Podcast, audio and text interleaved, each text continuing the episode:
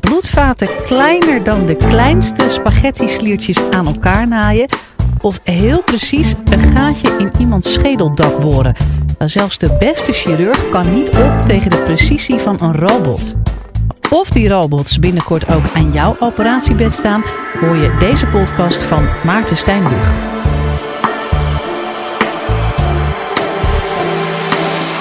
Dit is de Universiteit van Nederland. Ik ben zelf toen ik 16 was in het ziekenhuis geweest voor een blinde darmoperatie. Eigenlijk was dat zo'n appendixoperatie, zoals dat dan officieel heet. En ik heb daar een, uh, zo'n sneetje overgehouden van 6 centimeter. Dat zit ergens onder mijn bikinilijn, geloof ik. Maar goed, daar ben ik verder niet mee bezig. Maar, uh, en tegenwoordig kan het eigenlijk door een hele kleine opening. Een centimeter of zo. Dat heet een kijkoperatie. En dat is eigenlijk een beetje het verschil tussen de chirurgie van heel vroeger, toen ze nog open chirurgie deden. En nog steeds is het zo, als je iets heel groots uit je buik moet halen, dat een open chirurgische ingreep soms noodzakelijk is. Maar het komt ook heel veel voor tegenwoordig dat je kijkoperaties kan doen. En hoe werkt dat? Dan heeft eigenlijk de chirurg een heel dun instrument. Je kunt dat hier zien. Dit is er eentje uit de gynaecologie als voorbeeld. Daar zit in dit geval een schaartje aan. En daar kan je dus mee knippen. En dat steek je in het lijf door een hele kleine opening. En dan steekt hij zo in je lijf. En u kunt zich voorstellen dat het voor een chirurg best moeilijk oefenen is om operaties te doen in het lijf, terwijl eigenlijk die beweging van het instrument best lastig is, want hij is spiegelbeeldig, dat kunt u zien. Hè? En als je hem dieper erin steekt, dan heb je dus een grotere overbrengingsverhouding. En als je niet zo diep erin steekt, kleiner. Dus dan is het lastig. Dus een chirurg moet daar heel veel over oefenen. En het is ook zo dat als een uh, chirurg iemand opereert die heel dik is, dat een, een chirurg dan heel onhandig staat. En dat is ook niet fijn. Dus daar is eigenlijk een robot voor bedacht. Dat is de Da Vinci robot. Die is eigenlijk wel relatief veel bekend. Er staan er 3000 van in de wereld, de Da Vinci uh, robot. En dat is een echte robot voor minimaal invasieve chirurgie. En hoe werkt dat? Nou, de patiënt ligt ergens en er steekt ook weer zo'n instrument naar binnen, een paar. Eentje daarvan heeft een camera. Um, en die instrumenten zitten nu niet aan een mens, maar aan een robotarm. En de mens, de chirurg, die zit een eentje verder, achter een console, met zeg maar joysticks. En die kan dan gewoon die joysticks bewegen en dan beweegt dus de robotarm, die maakt die bewegingen na. En dat spiegelen, wat we dus hebben, dat kunnen we natuurlijk met de computer compenseren. En bovendien kunnen we schaling toepassen. Dus als de chirurg een bepaalde beweging maakt, kunnen we dat kleiner maken uh, bij, de, bij de robot zelf. Dus je zou in principe iets nauwkeuriger kunnen opereren. Maar er zijn eigenlijk twee nadelen aan, aan die Da Vinci. Namelijk, um, de chirurg die voelt niks meer. Dus, dus hier kan je nog een beetje kracht voelen op die tip. Maar als je een instrument hebt die, waar een robot aan vast zit, ja, je voelt dan geen kracht meer. En bovendien, die, die uh, Da Vinci is nogal onnauwkeurig. Hij is best goed voor buik- en borstoperaties, maar hij is eigenlijk te onnauwkeurig voor heel veel andere dingen. Nou, wij zijn uh, een aantal jaar geleden begonnen om ook robots te maken voor chirurgie. En we hebben eigenlijk eerst de Da Vinci als voorbeeld genomen en we hebben dus onze Nederlandse Da Vinci gemaakt. Zoals ik het vaak zeg. En dat is eigenlijk een heel mooi ontwerp geworden. U kunt dat hier zien. Heel compact ontworpen, zoals wij dat heel goed kunnen in Nederland. En heel precies, deze robot is echt veel beter dan de Da Vinci qua nauwkeurigheid. En hij is zo mooi ontworpen dat we ook nog krachtsensoren konden aanbrengen bij deze robot, waardoor we kracht kunnen teruggeven aan de chirurg. Dus de chirurg die kan weer kracht voelen, die de robot ook voelt in het lijf. Nou, toen ik hiermee uh, bezig was, toen dachten we van nou leuk, dan gaan we een, een start-up beginnen. Nou, dat werkt dus niet, want deze robot heeft precies de Da Vinci als toepassingsveld. En dat is gewoon een heel groot bedrijf. En dan begin je dus helemaal niks met zo'n ontwikkeling. Want dan heb je zoveel geld nodig in een markt die al eigenlijk gedomineerd wordt door een hele grote partij. Wat we daarna gedaan hebben is, is eh, verstandig achteraf gebleken. Wij zijn ons namelijk gaan richten op een markt waar nog helemaal niks was. Namelijk die van de oogchirurgie. Dus wij hebben een robot ontwikkeld, ook weer een master-slave systeem, voor oogchirurgie. En niet voor lensoperaties, maar voor operaties aan het netvlies van je oog. Ik heb hier een instrumentje bij me wat een oogchirurg gebruikt. En nu is het zo dat een oogchirurg dan zo zeg maar, de patiënt vast heeft en dit in het, door het wit, wit stukje van je oog prikt. En dit is zo dun, dit is 0,6 mm. Als je dat weer eruit haalt, hoef je niet te hechten. Dat gaat vanzelf weer dicht. En die chirurg die kijkt dan door een microscoop, door de pupil van de oog. En dan is zo'n chirurg bezig om op het netvlies bijvoorbeeld een vliesje van de retina, van het netvlies af te halen. Of uh, te proberen om, om daar stukjes klontering die daar zitten op het netvlies, om die daar weg te halen. En dan kunt zich voorstellen, als die chirurg ook maar een beetje trilt, ja, dan maakt hij dat netvlies gewoon kapot. Dus wat wij hebben ontwikkeld is weer hetzelfde idee. Je hebt een, een master device, zeg maar de joysticks waar de oogchirurg nou aan zit. En je hebt de slaafrobot, de slave, die dan, waar je dit instrument in klikt en die dus in het oog prikt. U kunt dat hier heel mooi zien. En als je goed oplet, dan is de uh, hand van de chirurg, die trilt en de robot die staat helemaal stil. En dat komt omdat wij tussen de hand van de chirurg en de robot kunnen wij natuurlijk filteren. Wij kunnen het trillen wegfilteren. Nou is dit niet een echte oogchirurg, want die zijn wel beter, moet ik even erbij zeggen. Dus die zijn, die zijn stabieler. Dus dit is onze promovendus. Dus, um, uh, en bovendien kunnen wij schalen. Dus, dus uh, wij kunnen de beweging van de oogchirurg kleiner afbeelden op het instrument in het oog.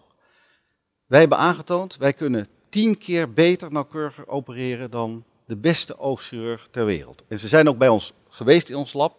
Ze zijn het komen proberen.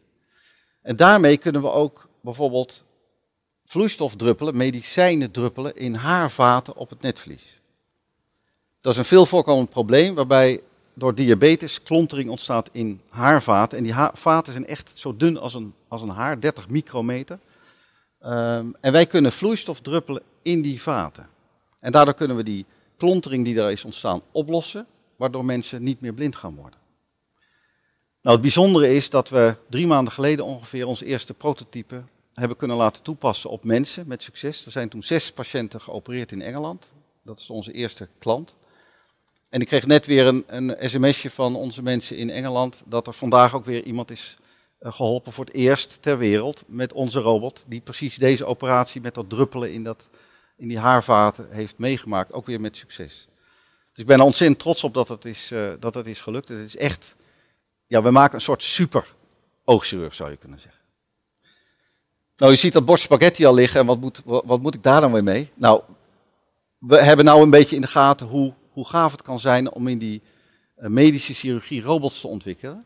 En zo hebben we samen met microchirurgen uit Maastricht een robot ontwikkeld voor uh, toepassing in de microchirurgie. Met name bijvoorbeeld als mensen een vinger afgehakt hebben en je moet weer vaten aan elkaar maken. Maar de belangrijkste operatie waar we ons eigenlijk op hebben gericht is die van de borstreconstructie bij vrouwen die een geamputeerde borst hebben na uh, een kankeroperatie.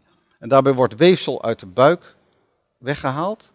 Althans, dat is een van de opties. En dat weefsel dat wordt dan hier bij die borst erin gezet, maar dat is levend weefsel. Dus daar moet je vaten aan elkaar maken.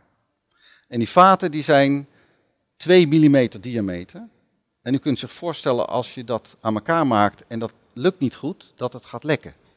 En dat heel die operatie overnieuw moet. Dat is een ramp, dat kunt u zich voorstellen. Nou, 2 mm, wat is dat? Ik heb hier gevraagd of ze wat spaghetti voor me wilde koken. Dus toen kreeg ik het heel bord met spaghetti. ik had er eigenlijk maar eentje nodig, maar goed, maakt niet uit. Dus dit is ongeveer, dit is zelfs 3 mm. Moet u, volgende keer als u thuis spaghetti kookt, denkt u dan nog eventjes aan me, zo vlak voor het eten. Dit is zelfs wel 3 mm. En u moet zich voorstellen, als dat dus aan elkaar moet worden gemaakt, dat er nog steeds een mens bij zit. Want het is een master-slave systeem. Nou, wij gaan uh, waarschijnlijk in april, mei gaan we dit voor het eerst echt proberen op een mens. Tot nu toe hebben we dat op, op, uh, op uh, levende dieren geprobeerd met succes. En onze robot is zo goed, is ongeveer drie tot vier keer beter dan, dan een goede microchirurg. Onze robot is zo goed, zo nauwkeurig, dat we zelfs denken dat we lymfevaten aan elkaar kunnen maken. En lymfevaten zijn een halve millimeter diameter. Dat is echt wel super klein. Ik heb ook nog ongekookte spaghetti hier. dat is denk ik ongeveer anderhalve millimeter. Dus als u ongekookte spaghetti pakt en u neemt een derde daarvan, dan moet u zich voorstellen dat je dat aan elkaar moet zien te naaien zonder te lekken en dat het ook nog een opening houdt van binnen. Dat is lymfevaten uh, chirurgie. En wat we hopen dat we kunnen doen, is dat we lymfevaten weer terug kunnen leiden naar bloedvaten, waardoor uh, vocht kan worden afgevoerd. Een heel groot probleem bij uh, geamputeerde borsten. En met name als het lymfeweefsel is weggenomen bij vrouwen na een, een borstkankerprobleem. dat is dat die vrouwen stuwing krijgen. En dat is eigenlijk nog veel vervelender voor die vrouwen, die stuwing. Dat is echt heel, u kunt het hier zien, benen en armen die heel erg dik worden. Wij hopen, maar we hebben dat nog niet aangetoond, we hopen dat, omdat wij vaten, lymfevaten van een halve millimeter diameter kunnen gaan opereren, eh, dat we ook dit probleem kunnen gaan oplossen in de toekomst. Nou, dat zullen we dit jaar denk ik wel, eh, wel verder aan u vertellen. We zijn uh, ook bezig met neurochirurgie, met brains, met hersenen. En dat gaat om de behandeling van Parkinson-patiënten. Parkinson-patiënten, uh, daar wordt een elektrode in geplaatst. En als je die elektrode goed gebruikt, een soort pacemaker is dat hè, voor je hersenen, dan kan je dat trillen van Parkinson-patiënten helemaal wegkrijgen. Nou, normaal is het zo dat die operatie best lang duurt, want je moet eigenlijk zoeken naar precies het, het plekje waar je moet zijn in de hersenen.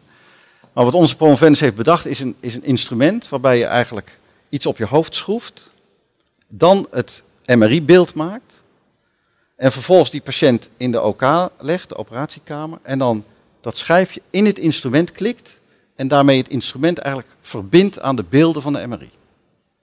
En daardoor hoeven wij eigenlijk niet meer te zoeken, maar kunnen we gelijk naar het doelgebied. Nou, dit apparaat komt dit jaar klaar. We zijn nu aan het oefenen op meloenen. Dat is een beetje de fase waarin we zitten. Ja. Nou, het laatste voorbeeld waar ik uh, trots op ben, dat is onze eerste, zeg maar, freesrobot. Ik ben een werktuigbouwer, dus wij doen in freesmachines ook. Uh, wanneer is dit zinvol? Dit is zinvol als je bijvoorbeeld kanker hebt in je hoofd, in je bot. Wat ze dan nu doen is uh, eigenlijk heel voorzichtig bot weghalen met, met een, echt een freesje. Het is een freesdingetje, dus daar haal je bot mee weg. Maar elke keer als je iets verder bent, dan moet zo'n arts ontzettend voorzichtig zijn dat hij geen bijvoorbeeld gezichtszenuwen raakt. Want dan raak je dus helemaal verlamd aan de helft van je gezicht. Dus zo'n chirurg is, is tot wel zes uur bezig om dan naar binnen te gaan met een freesje. Terwijl, ja, als je gewoon een CT-beeld maakt, gewoon een X-ray beeld, en je geeft het aan een robot, en je, doet dat hoofd goed vast aan die robot, ga je gewoon naar binnen. Met heel weinig botverlies, in feite. Nou, dat is wat we gewoon aan het doen zijn. Dus met behulp van röntgenbeelden kunnen wij die robot sturen. Dat is dus eigenlijk de eerste robot die helemaal autonoom kan werken. Want die geeft je beelden en die kan zelf die operatie doen. Die markt is overigens heel groot, want dit gaat niet alleen maar om kanker in je hoofd, maar ook bijvoorbeeld cochlear implants. Dus implantaten die een elektrodeverbinding moeten hebben met je binnenoor. En dat is ook, ja, nu halen ze eigenlijk relatief veel bot weg. En wij kunnen een heel klein gaatje maken met die robot om naar binnen te gaan en die elektrode precies daar neer te leggen. Nou, ook deze robot zijn we nu aan het bouwen en ik hoop dus in de loop van dit jaar dat we daar de eerste proefjes mee kunnen doen. Als ik zo kijk naar, die, naar al die robots, dan, dan ziet u misschien al dat eigenlijk elke robot is anders. En dat is ook wel een beetje waar wij in geloven, dat als je echt kijkt naar het probleem wat die arts heeft in die patiënt, dan, dan past het bij elke soort uh, aandoening past een andere robot. Die, ro die freesrobot voor dat bot, die moet natuurlijk veel hogere krachten opvangen dan die oogchirurgie-robot. Dus dat kan nooit hetzelfde apparaat zijn.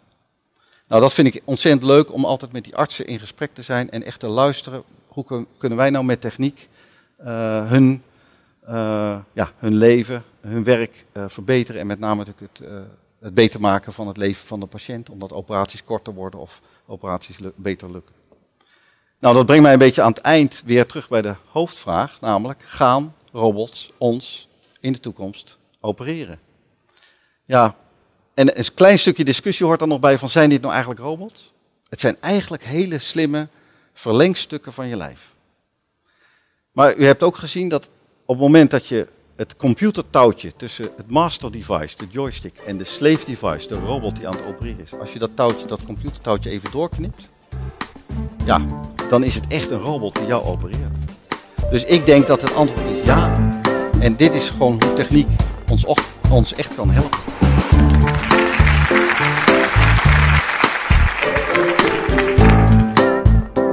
Dit was de Universiteit van Nederland. Wil je nou nog meer wetenschappelijke antwoorden op spannende vragen? Check dan de hele playlist.